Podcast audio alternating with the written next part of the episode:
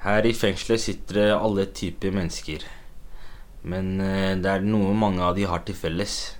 Nemlig et dårlig forhold til eh, barnevernet.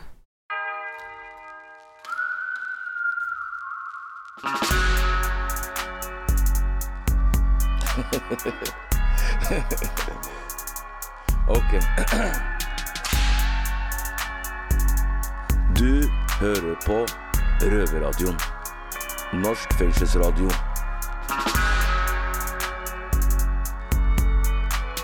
Bli med inn. I dag starter vi i Oslo fengsel.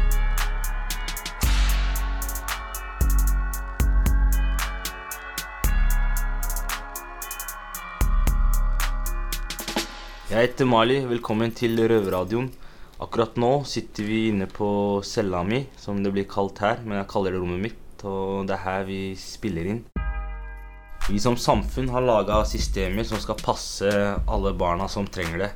Men eh, i dette fengselet her og alle disse cellene så er det fulgt opp med folk som Jeg vet ikke, det har visst ikke fungert. For de fleste handler ikke det om å bryte loven om noe man bestemmer seg for der og da.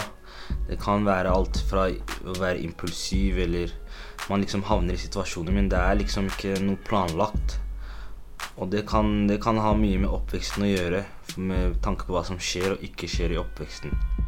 Som Barneombudet sa da hun gjesta Røverradioen, eh, de aller fleste unge som sitter her fengsla i Norge, har vært eh, varsla katastrofer. Så hva er egentlig problemet med barnevernet? Jeg har selv vært i barnevernets eh, varetekt i drøyt et år, og jeg vil si dette med en gang. Det her er ikke et forsøk på å skylde på noen, men et ønske om å finne ut hva vi kan gjøre for å endre barnevernet til det bedre. Det hele begynte med at jeg og min røverkollega Bobby begynte å snakke litt om oppveksten og hvordan vi hadde det. Så plutselig kom vi inn på temaet barnevernet. Jeg har vokst opp redd for barnevernet. Når du sier redd for barnevernet, hva mener du med det? Barnevernet har alltid vært de som tar eh, oss fra foreldrene våre, og de som vi skal De som vi skal passe oss for, da. Mm, Uh, bekymringsmelding var nesten som å få en dom sant, på ti år. mm. Uh, og liksom Ja, jeg skal ikke legge skjul på at vi fikk beskjed om å ikke snakke med dem og sånne ting, da. Ja, ja. Vi er jo oppvokst i en annen kultur, og vi har en annen oppdragelse enn det no nordmenn, eller hva jeg skal kalle det, har. Ja, vi er eh, nordmenn, eh, men vi er ikke nordmenn. Vi Ja, men her, da, fordi vi kommer jo til eh, Eller foreldrene våre har jo kommet til Norge. Og eh, oppdragelsen her og der er jo ikke helt lik.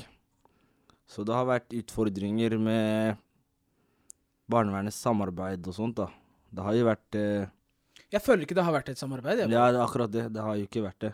Det er, det er det mot, mot eh, minoritets... eh, for jeg føler at det er minor, minor, minor, minoritetsbakgrunn? Nei. Det er folk med minoritetsbakgrunn som er utsatt for uh, de meste av, av, av barnevernets Hva skal jeg si? Barnevernets det, det de holder på med, da. Mm. ja, jeg har selv hatt Jeg har vært inne i barnevernet. Jeg var på institusjon i, i ett år i eh, Alta. Og eh, før jeg ble plassert på institusjon, så var det jo besøk hjem, og alt var jo på stell. Og det var helt ryddig og fint, og som en helt sånn normal familie, liksom. Så de liksom lurte på hvordan har du havna i de situasjonene du er i, og, og jeg måtte jo signere på noen papirer, ellers så ble det tvang, da. Så det var liksom at jeg hadde valget å signere, og så kunne jeg trekke det tilbake hvis jeg mente at jeg var klar for å flytte hjem, da. Men mens jeg var eh, under barnevernet, så Det var litt annerledes til å begynne med, men eh, jeg fikk jo meg nye venner og starta på skole, og jeg var der i ti måneder. Det gikk ganske fort. Men du vet, familien tenker liksom hvis e- ett barn har blitt tatt, så risikerer de alle de andre også å bli tatt, ikke sant. Det er den største frykten, da. Å miste barna sine til eh, barnevernet. Og mange somaliske familier, for eksempel, eller afrikanske, de vet jo ikke hvor lenge barna skal bli holdt. Og de har jo lyst til å oppdra dem eh, som de selv har blitt oppdratt. Med kulturen, religionen, alt sånn, men eh, Det er jo en av de grunnene til at de ikke ønsker at barnevernet kommer inn i bildet, da. Mm. For eksempel, jeg og familien min flytta jo til England tidlig 2000-tallet på grunn av at det var en stor familie av, eh, med fire barn som ble tatt fra moren sin. Hun var alenemor, og, og de mente at hun ikke kunne ta vare på dem, da. Og det var ikke noe rus i bildet, ikke noe vold, ikke noe sånt, men det var bare at hun ikke kunne ta vare på fire barn selv, da. Som alenemor. Og det var det mye, mange i somaliske miljøer som stussa på og syntes det var, ikke var bra, og, og det var grunnen til at mange familier flytta til England. Uh, så For å unngå at barna blir tatt. Helt riktig. Mm. helt riktig. Og jeg, og jeg kan se det. ikke sant? Det, Ja, ja. det må være forferdelig å bli fratatt sine barn. Mm. ikke sant? De vet ikke hvor lenge barna kan bli holdt, om de i det hele tatt vender tilbake, eller at, eller at de ser et annet liv, og så kanskje de liker det livet bedre. Jeg vet ikke. Mm. Men uh, hvorfor ble du flytta så langt uh, fra Oslo? Du bodde i Oslo først. Ja, nei, egentlig jeg har ikke svar på det, men de ville jo holde meg unna miljøet mitt da, i Oslo. Selv om jeg fikk eh, dra på besøk hjem hver helg. Men det var liksom De ville ikke de, Hvis de hadde sett meg til Drammen eller noe sånt, for eksempel, eller Hønefoss, så kunne jeg bare tatt toget og vært der på en time, liksom. Men de ville liksom holde meg langt unna, da. Sånn at jeg ikke risikerte å få tilbakefall og sånt. Mm. Hvordan føles det at samfunnet ser at familien din ikke eh, er god nok til å ta vare på deg? Nei, det er ikke noe kult, altså, for å være helt ærlig. Det er litt sånn eh, Selv om jeg ha- hadde en fin eh, barndom, men det var eh, i tenårene der jeg begynte å få nye venner og gjøre ting på egen hånd, da. Familien hadde jo ikke kontroll, ikke sant. Selv om de ringte meg hele tiden og 'hvor er du, hvor er du', og Men jeg kjørte nesten mitt eget løp, da. Men jeg hadde jo alt eh, når jeg vokste opp. Jeg var med på fotballag, jeg var litt på korps når jeg var yngre, og jeg fikk gjort litt av hvert, da. Det var aldri noe dårlig råd eller noe sånt, ikke sant, men eh, jeg så nye, nye Jeg møtte nye folk, og det var mye spenning, så jeg bare havna uti det, da. Mye rock'n'roll. Ja, veldig mye rock'n'roll. Eh, barnevernet tok, valgte å flytte deg fra familien din, eh, og så havnet du i fengsel allikevel. Funka det da å være i barnevernet? For å være helt ærlig, så syns jeg ikke at det funka. Det var liksom at jeg ble bare flytta fra et miljø til et annet. Og jeg ble jo kjent med folk der oppe også. Men det var liksom Jeg følte at de bare ga meg en pause fra det livet jeg levde, da. At jeg var, jeg var der i ti måneder, jeg kom tilbake til Oslo. Samme folka rundt meg igjen, ikke sant. Og så et par, tre, fire år etter så jeg, sitter jeg her i fengsel. Så hvis barnevernet liksom hensikten deres er å få meg ut av kriminalitet og hjelpe meg videre i livet, så syns jeg ikke at det har funka som det skal, da. Og den omsorgen det er så mye snakk om, og det var liksom Jeg ble overlatt på egen hånd, liksom. Det var, ingen, det var ikke noe sånn tett oppfølging med meg, eller Eneste var at jeg fikk gå hjem eh, hver helg. Resten så bodde jeg der, gikk på skole, hadde fritida mi ute. Innetid og sånn, ikke sant. Men nei, jeg syns ikke at det funka. Jeg sitter jo her med deg, vet du. Ja, det gjør vi. Vi sitter og soner. Dessverre. Hva skulle de ha gjort? Nei, hvem vet. Kanskje hvis jeg hadde bodd hjemme hos familien, det hadde gått bedre. Men da, nå, det, nå spekulerer jeg bare, da. Men eh, Nei, jeg vet ikke. De lot meg jo bare gå hjem, da. Det var ikke noe snakk om ettervern eller Fordi jeg fylte jo 18 etter det, ikke sant. Det var ikke noe ettervern som man pleier å gjerne å få etter barnevernet. Når jeg ble ferdig med barnevernet når jeg fylte 18, så tenkte jeg bare endelig jeg er kvitt dem nå. De er ikke på meg lenger, ikke sant. Så kanskje ettervern kunne ha hjulpet meg litt, da. Mm. Mm.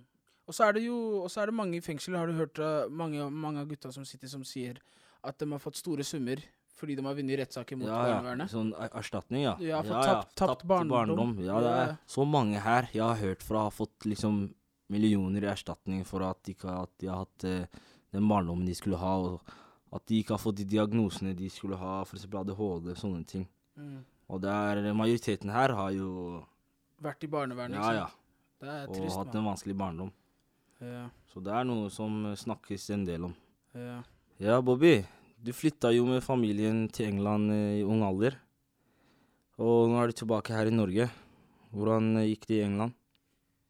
Bro, vi fikk i hvert fall vokse opp sammen i familiehuset. Mm. Alle guttene, ikke sant. Mm. Og det var ikke snakk om at noen, skal bli, no, noen skulle bli tatt og plassert i, plassert i en annen familie. Det var Mm. Vi vokste opp under um, samme tak. Jeg fikk uh, uh, oppleve barndommen, med, barndommen min med brødrene mine, Som det skal være. som det skal være. Og, og, og dessverre så ble det Tok eh, det hele en feil retning. Men jeg, Mm. jeg skiller, skiller, mer på at jeg måtte på en måte starte på nytt flere ganger, Mm. fordi jeg flytta til England og tilbake til Norge, da.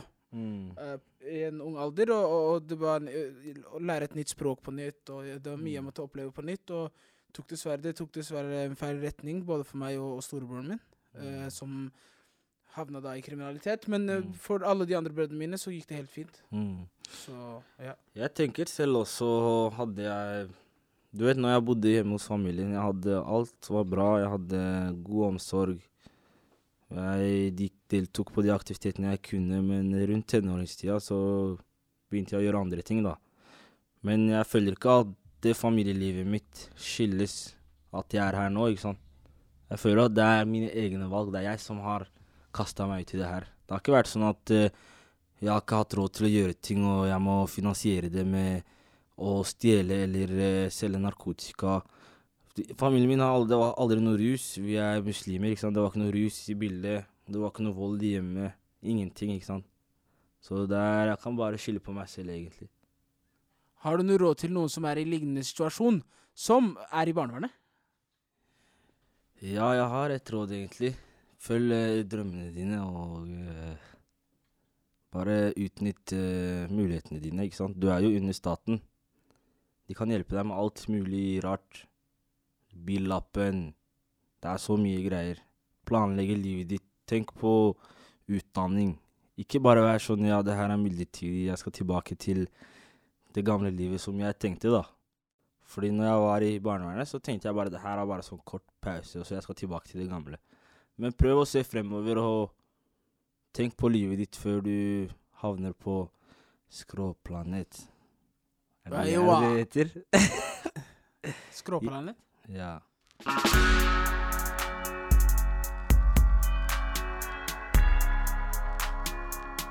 Ja, det er vanskelig å skulle ta imot hjelp fra noen eh, man er redd for.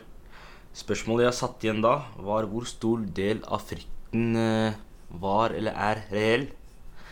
Heldigvis finnes det svar på dette, for noen har faktisk eh, forska på det. Og derfor gir jeg ordet videre til eh, min eh, røverkollega Maiken.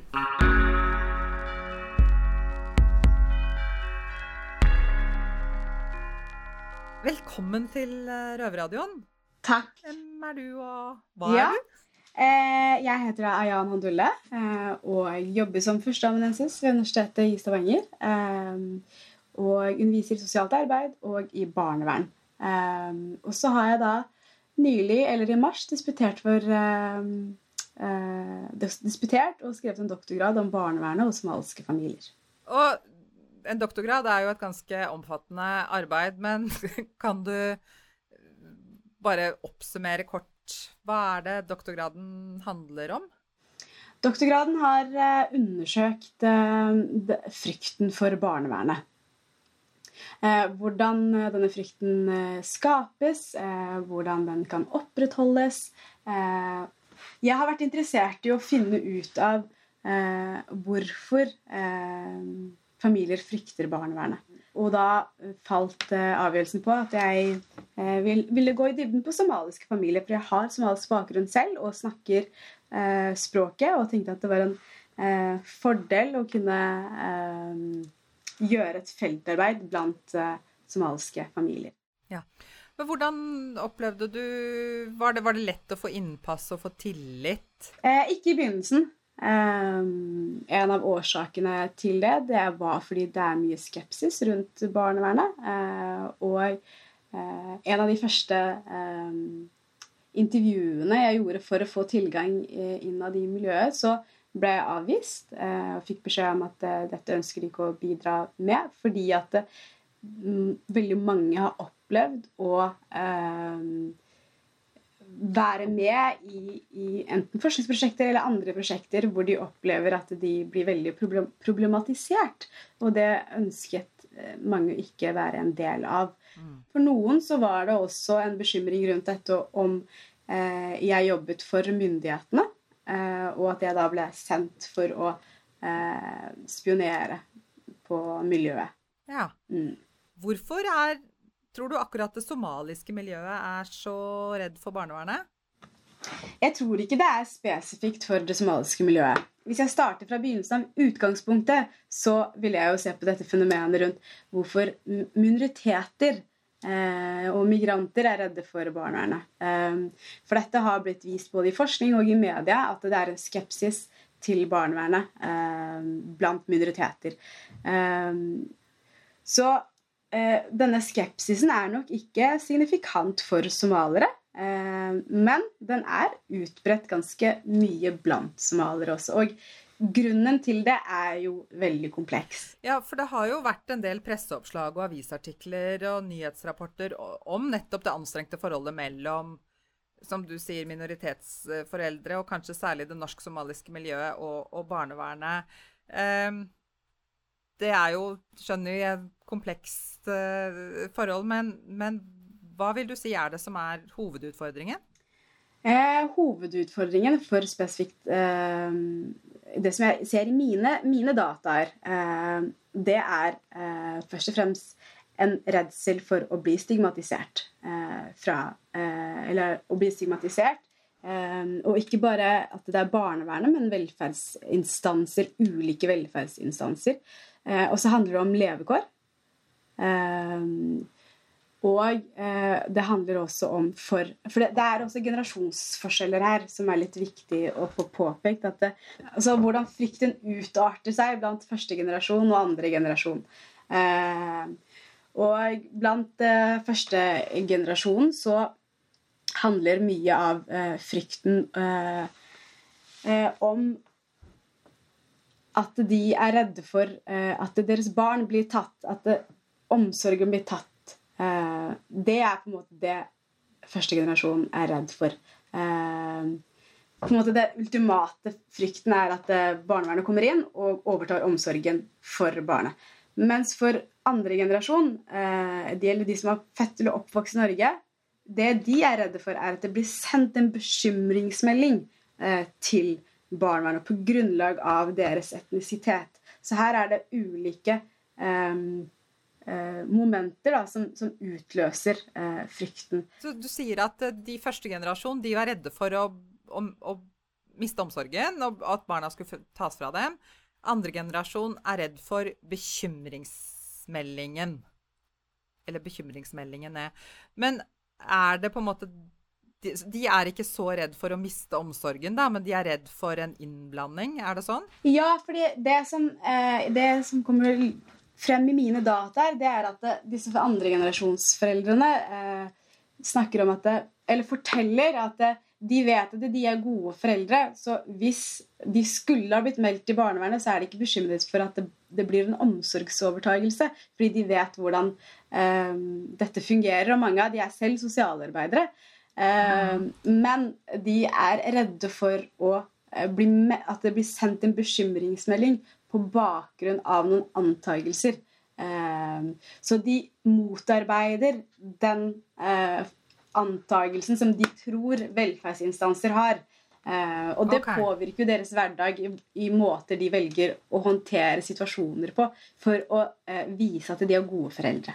Ja. Hva er ditt inntrykk? Er, har denne frykten et grunnlag i noe, eller, eller er det rykter, eller hva Begge deler. Ehm, uh, for denne skepsisen disse foreldrene har, og denne frykten de har, kommer fra et sted eh, og opplevelser de selv enten har hatt i barndommen i møte med velferdsinstanser, eller i hverdagslivet hvor de har opplevd å bli stigmatisert og ekskludert. Og så er det jo sånn at eh, blant første generasjon så er det mange historier om omsorgsovertagelser som eh, deles. Og det eh, er, er, er sånn at det ikke nødvendigvis er mange enkelthistorier, men kanskje tre-fire historier som blir delt mange ganger, som gjør at en tror at det er mange historier. Og det bidrar til at det blir eh, mer frykt. Eh, så det er, bildet er på en måte komplekst og todelt. Det er, de har grunn til å være eh, At denne frykten er ikke grunnløs, eh, men samtidig så er den også til en viss grad eh, basert også på rykter som handler om saker som omhandler omsorgsovertagelser. Vi har tidligere i, i sendingen uh, hatt et innslag om en uh, røver, Bobby, som, som fortalte om at, at, frykten for barnevernet var grunnen til at familien hans flyttet til England. Uh, er det noe, en situasjon som du kjenner igjen fra forskningen din? det var jo grunnen til at jeg reiste ned til Somalia. Fordi at det var mange historier som, som handlet om at folk flytter tilbake i frykt for barnevernet. Så at eh, en flytter til England eller andre land, det, eh, det tenker jeg er, eh, er ikke ukjent. Eh, også innad i Norge, hvor folk flytter fra kommune, fra, fra, fra kommune til kommune også for å uh, unngå barnevernstjenester. Mm. Det er jo mye snakk om den, altså frykten for, for omsorgsovertagelse og frykten for bekymringsmelding. Men har du snakket med mange som har hatt erfaring med tiltak i familien? Eh, både ja og nei. Fordi at eh, jeg har vært opptatt av i forskning så har jeg vært opptatt av å forstå fenomenet frykten, uavhengig om en har vært i kontakt med, med barnevernet eller ikke. Så jeg har snakket med veldig mange som ikke har vært Eh, ja, Er det sånn at, eh, at, eh, at størsteparten av dine kilder eh, har ikke selv hatt kontakt med barnevernet, men de har, vært, de har forholdt seg til en frykt? Ja. Eh, og de som har vært i kontakt med barnevernet, eh, som jeg har snakket med, har delte meninger på at noen opplever at de har blitt hjulpet, og opplever at det har vært fint å få eh, den hjelpen, mens andre opplever det at eh, det har blitt verre i familien når barnevernet har kommet i, i, i bildet. Så det er eh, Men vi må også huske på at det å eh, For veldig mange av disse familiene som eh, har vært involvert, eh, eller hvor barnevernet har vært i familien, så er det også et stigma rundt det å ha barnevernet i familien. Og at det er noe man ikke snakker så høyt om, eller ikke ønsker å snakke. Eh, så veldig høyt om. Eh, for det, det, er noe med det at det, det kommer dessverre med en sånn eh, en slags sånn Hvordan skal jeg ordlegge meg på det? En slags sånn lapp at hvis du har barnevernet involvert i familien, ja, så har du på en eller annen måte ikke mestret det å være forelder. Mm. Um, så Så det er Og så er det jo um, innad i, i det småske miljøet uh, så har det jo vært sånn at det er gjerne de historiene som er omsorgsovertagelser, som det snakkes om, men veldig lite av de som er hjelpetiltak, eh, og de som får hjelp. Og det tror jeg også handler om at det, er lettere Man kan skjule at eh, barnevernet er involvert hvis det er hjelpetiltak, men man kan jo ikke skjule hvis det er en omsorgsovertagelse. Så det er det jo lettere å snakke om. Men men jeg tenker jo det at eh, for disse foreldrene så eh, handler det ikke kun om møte med barnevernstjenesten, for det er det siste leddet. Eh, det handler om møter på skolen, i barnehager, ved fritidsaktiviteter eh, og alle disse andre arenaene som kan lede til en bekymringsmelding. Eh, og ofte så er det jo sånn at um, når man snakker om frykten for barnevernet, så, så fokuserer veldig mange på at det er barnevernet en frykter, men, men, det er faktisk de andre arenaene rundt også eh, disse foreldrene eh, frykter. Ja. Og veldig mange er klar over også det er klar over at barnevernet ikke kan bare komme og ta barn. det vet de, men likevel så er det en frykt for det. Så det jeg har forsøkt å argumentere for også, at det er en urasjonell, men rasjonell frykt. Ja. Tenker du etter å ha, ha, gjort dette, eller arbeidet med dette, at, at, det er noe den norske staten og, og barnevernet bør gjøre annerledes og, og, og bli flinkere til? Ja, det er jo det store spørsmålet. Ehm, jeg tenker uh... Har du fasiten nå, eller? nå, skal, nå skal jeg føre fasiten. Nei da, jeg skulle ønske jeg hadde en fasit på det også. Men, uh, men jeg har gjort meg noen tanker rundt det. Uh, Ja. og jeg tenker jo at eh, vi snakker veldig ofte om likeverdige tjenester, eh, og at likeverdige tjenester skal tilbys alle. Eh, men eh, gjør vi det, er spørsmålet. Tilbyr, faktisk, tilbyr vi likeverdige tjenester? Og med det så tenker jeg at det, når familier som har behov for eh, hjelp, og som kunne ha dratt nytte av hjelp, eh, ikke oppsøker eh, å få hjelp eh, fordi de er redde for å eh, bli dømt av en tjeneste, eller, bli, eller er redde for at det skal med en gang gå til en omsorgsovertakelse, så har vi ikke lykkes med, med, eh, med likeverdige tjenester. Hvis det er en befolkning blant minoriteten som ikke tør å snakke med eh, instanser for å få hjelp. Og så tenker jeg at det starter også med enhver sosialarbeider som sitter rundt omkring i de tjenestene. Fordi disse foreldrenes frykt for å bli stigmatisert og diskriminert er veldig reell. Og da må vi også ta det på alvor. Tusen takk for praten, førsteamanuensis doktor Ayan Handulle. Tusen takk.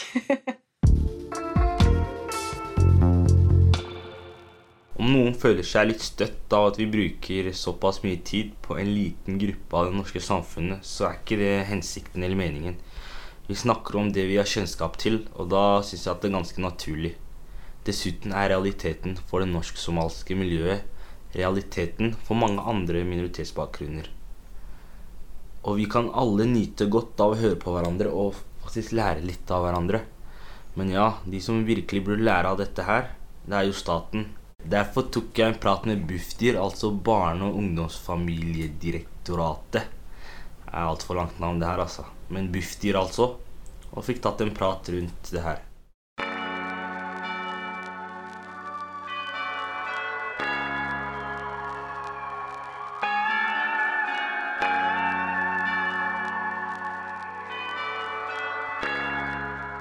Kjetil Andreas Ostling, eh, divisjonsdirektør hos eh, Bufdir. Velkommen eh, hit, holdt jeg på å si, men vi har deg på et Teams, så jeg sier velkommen for det. Ja, mange takk for det. Veldig glad for å kunne være med. Yes, det er godt at du er med på sendinga. Hva tenker du om, eller dere, om det vi har hørt så langt i sendinga? Først og fremst syns jeg jo at øh, dere hadde en veldig sånn reflektert uh, samtale, og som uh, gjorde at dere fikk fram mange viktige perspektiver og erfaringer. Både som dere selv har, og som dere fanger opp i de miljøene som dere ferdes i. Og fra direktoratets ståsted, hvor vi har ansvar for å jobbe for at det skal være god kvalitet, og som det også ble nevnt eh, av Ayan, betydningen av likeverdige tjenester i barnevernet, så, eh, så påpekte jo eh, dere alle sammen eh, noen utfordringer vi har på det området i forhold til å eh, treffe godt, kommunisere godt eh, og skape trygghet for hva barnevernet gjør, og også hva barnevernet ikke gjør eh, inn mot eh, minoritetsbefolkningen og eh, også den, kanskje særlig den somalske befolkningen som ble belyst i, i det Mm. programmet. Riktig. Fordi jeg har jo selv vært eh, under barnevernet, og det krevde jo veldig mye av meg, men jeg vet ikke helt eh, Du har sikkert mer informasjon, da, men vi hører jo Bobby si at han ikke føler at eh, det har vært noe samarbeid med barnevernet. Hva tenker du om det? Ja, nei, jeg tenker at uh, liksom, i den enkelte barnevernssak uh, så er det jo helt uh, veldig avgjørende at barnevernet på sin side kommuniserer godt og tydelig og er håper å si, i tillegg til de, den jobben de er satt til å gjøre, med at de er håper å si, hyggelige og høflige og, og skaper en god relasjon. Det må jo være et mål. Eh, og så eh, hører jeg jo, og vi, ser jo på våre egne undersøkelser også, at eh, det er jo ikke alltid det oppleves sånn. Og det er ikke alltid vi får ut god nok informasjon, verken til den enkelte familie, men heller ikke vi som er myndighetene. Vi får heller ikke godt nok ut informasjon om hva barnevernet er og ikke er. Så vi har hele tiden en, en jobb å gjøre på det, helt klart. Mm. Fordi vi, vi kjenner jo faktisk en del barn og ungdom, eller når vi vokste opp, da, som har havna under barnevernet. Og de fleste vi har lagt merke til, da, er vel eh, minoritets, ungdom med minoritetsbakgrunn da, som blir hardest ramma. Er det, er det sant, eller hva, hva tenker du når jeg sier det? Ja, nei, eh, sånn man, man, diskuterer liksom statistikken på dette i stort. Er, mm. er det flere tiltak uh, for barn i, familier med minoritetsbakgrunn i, enn i andre grupper, eller i de som er norskfødte eller ikke har erfaring fra annen landbakgrunn i foreldregenerasjonen. Og sånn. Da er det litt sånn ulikt hvordan man setter sammen statistikken. Eh, men i stort så er det eh, noe statistisk overvekt. Og så er det egentlig sånn at det er eh, også sånn at det er kanskje Øst-Europa og en del andre land som har litt sånn høyere overvekt faktisk enn f.eks. Eh, somalsk bakgrunn. Men så blir jo spørsmålet hvorfor er det sånn? Uh, og, og, er det liksom sånn barnevernet har, har et spesielt kritisk blikk uh, mot enkelte grupper, eller er det på en måte andre sammenhenger? Jeg tror at uh, hun Ayan Abdullah også er inne på at dette her er komplekst. Mm. Det kan handle om bl.a. Uh, levekår. Uh, det kan handle om uh, erfaringer fra samfunn med krig, sosial oppløsning. Og at det gjør jo ofte noe med familiesituasjonen og kan fort utløse et tiltak og behov for hjelp fra barnevernet. Mm. Og så har vi det med ettervern, da. Jeg etterlyser faktisk mer ettervern etter fylte 18. Fordi I mitt tilfelle så når jeg var ferdig med fylte 18, så var det liksom ha det bra til barnevernet. Jeg bare snudde ryggen. Men uh, når jeg ser tilbake i tid, da, så tenker jeg de kunne kanskje prøvd å pushe litt mer for å hjelpe og følge meg opp litt bedre, da. Hva tenker du om det? Jeg tenker at uh, er noe vi vet virker, så er det ettervern. Uh. Og vi ser at det, barnevernet bruker ettervern i stadig større og større grad. Eh, men det er helt sikkert eksempler eh, også på at det de ikke blir brukt der det burde vært gjort. Eh, og mm. man, man, er jo ikke voksen og selvstendig. De færreste er det når de er 18 år. Og hvis man har med seg en bagasje og er på en måte sårbar for å havne i en vanskelig livssituasjon, eller på skråplanet, som jeg hørte dere brukte som begrep også, så er det klart at ettervern kan være kjempeviktig. Så det var veldig billedlig beskrevet av dere i den samtalen dere hadde. For jeg tenker mitt utgangspunkt kunne kanskje vært bedre hvis uh, jeg hadde fortsatt med ettervern, da. Men uh, jeg hadde jo noen år med barnevernet, tre-fire år, og så tenkte jeg med jeg fyller 18, så skal jeg bare kutte den kontakten. Men når jeg ser tilbake, så burde jeg kanskje ikke gjort det, da. Tenker jeg. Nei, jo, Vi har utvidet loven sånn at ettervernet kan uh, gå helt til uh, man er 25 år. Um, mm. uh, men så er det jo en Fordi man er blitt voksen, sånn formelt mm. sett, så knytter det seg mye til frivillighet. Og det er også en jobb fra mm. barnevernet å ja, ja, ja. tilby et ettervern som faktisk uh, si, oppleves som attraktivt og noe som er nyttig, og som man mm. ønsker å frivillig gå inn i. Uh, og holde, holde, på det uh, også over tid. Men, men, det hjelper jo ikke hvis man ikke får tilbud om det. Mm, jeg må begynne der. Ja, Hva skal dere gjøre fremover for å forbedre situasjonen? da? Ja, Bra og viktig spørsmål. og mm, vi, vi trenger på en måte at det at det er de som står nærmest eh, lokalmiljøene, eh, nærmest familiene, som har den direkte dialogen, og som blir et eh, liksom, vennlig og betryggende liksom, ansikt utad. At barnevernet er litt sånn utadretta der ute, inn mot barnehage, skole, ute i, i nærmiljøet, og viser fram hvem de er. Uh, og selvfølgelig må det gjøres en god jobb. fordi uh, sånn som det ble beskrevet her, så er det sånn at hvis det er en eller annen situasjon hvor det blir veldig konfliktfylt, og familien ikke skjønner hvorfor noe har skjedd, og de nærmest opplever at barnet uh, bare har blitt tatt ut av familien mm. uten at det er så god forståelse for det, så skaper det jo type rykter og historier som er skremmende. Så vi trenger jo mm. god kvalitet. Men vi trenger også at eh, vi fortsetter den jobben vi gjør eh, nasjonalt. Da vi har oppretta en, eh, en, videreutdanning på masternivå i det som heter minoritetskompetanse i Stavanger bl.a. Som vi følger med på og ser på om den gir god effekt framover. Mm. Mm. Ja, det hørtes bra ut, det der, faktisk. Og hva vil dere si til de som har en dårlig opplevelse med barnevernet? Er det liksom noe dere kan si til dem, eller? Oi, ja, nei, det er, eh, det er et vanskelig, men viktig spørsmål. Men jeg vil jo si at eh, barnevernet har i hvert fall som et utgangspunkt, både sånn i mandat og samfunnsansvar, å gi hjelp. Det er jo det det handler om. Mm. Eh, og så eh, tenker jeg også at uten å være konkret på hvilke saker barnevernet må innrømme feil, liksom, så er dette et vanskelig område. Eller barnevern er vanskelig generelt, uansett hvem man møter. Så vi jobber hele tiden for å få til både forutsigbarhet og kvalitet og gode menneskemøter eh, helt i, i siste enden. For jeg føler barnevernet kan virke skummelt for eh, folk med minoritetsbakgrunn, da. Kanskje de er nye i landet, de har vel ikke så mye erfaring, og så er det den språkbarrieren, og så Mm. Det er ganske mye, da. Og eh, ja, det kan være utfordrende. Men eh, hva, vil, hva kan og vil dere si til familier som trenger hjelp, da? Som ikke tør å ta kontakt, eller ikke vet helt hvordan de skal gå frem med det?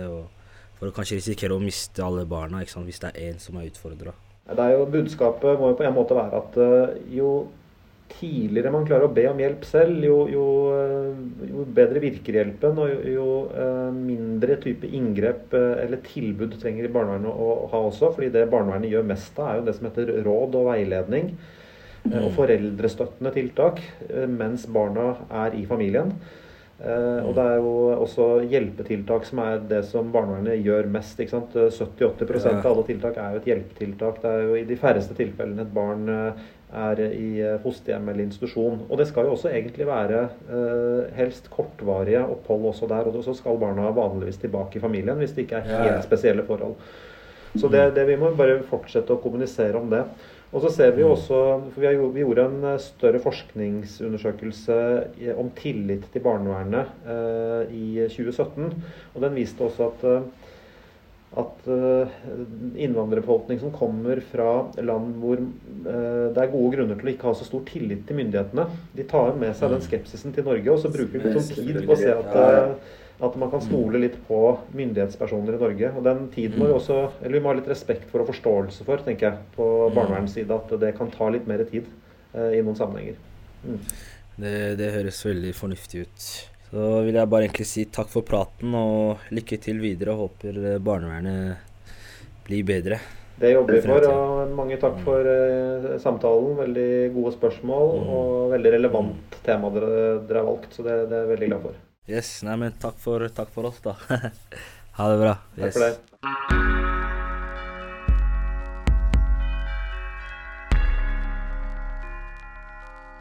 Det handler ikke kun om det somaliske miljøet. Det handler om ulike grupper i samfunnet vårt, om de annerledesfamiliene som frykter det som skal være hjelpen. Når jeg hører han Dulle og sånn snakker, så tenker jeg jo at eh, det er en del av den kunnskapen jeg sitter med fra før. Barnevernet liksom Det er liksom en trussel for eh, mange familier. Og det har litt med tillit å gjøre, da, som f.eks. når de har i, kommet fra land med krig. La oss ta eksempel, eh, Nå bruker vi Somalia da, som et eksempel. Der, er de, der har det vært masse krig. De har kommet til eh, Vesten for å bygge et nytt liv. Og så er det kanskje korrupt i den staten de bodde i. ikke sant? Og så kommer de til Norge, og så er det liksom Den derre tryggheten, den er ikke til stede da, med eh, samfunnet som det har vært der nede siden det har vært ustabilt. Så det, det er også mye å si som spiller inn, som han eh, Andreas Ostling fra Bufdir var inne på når jeg intervjua han. Så det er liksom Det er den skepsisen, og så er det den kulturkrasjen, og så er det venne seg helt til et nytt land, da. Det skal, det skal veldig mye til, og det er veldig vanskelig å Og så er det også den språkbarrieren også, da, som kanskje spiller veldig mye inn. Og det er, eh, det er en problemstilling som har vart ganske lenge, da, som Bobby var inne på. Han snakka om at de flytta til England i 2002, ikke sant, eller 2000-tallet. Og jeg føler fortsatt at den, eh, det er en problemstilling den dag i dag. Yes, Da vil jeg bare takke for oss, og takk for at dere hørte på Røverradioen i dag. Eh, dere kan høre oss på søndager på P2 halv ni, eller på podkast når og hvor du vil. Så lenge du ikke er bak lås og slå, da. Da, da sliter du, vet. Da er det P2 som gjelder. Yes, yes. Ha det. Vi prates. Denne sendingen av Røverradioen er sikkerhetsgodkjent av Oslo fengsel.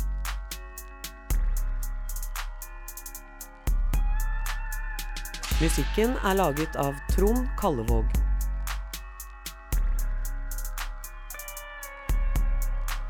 Røverradioen er en veldedig organisasjon som er avhengig av din støtte.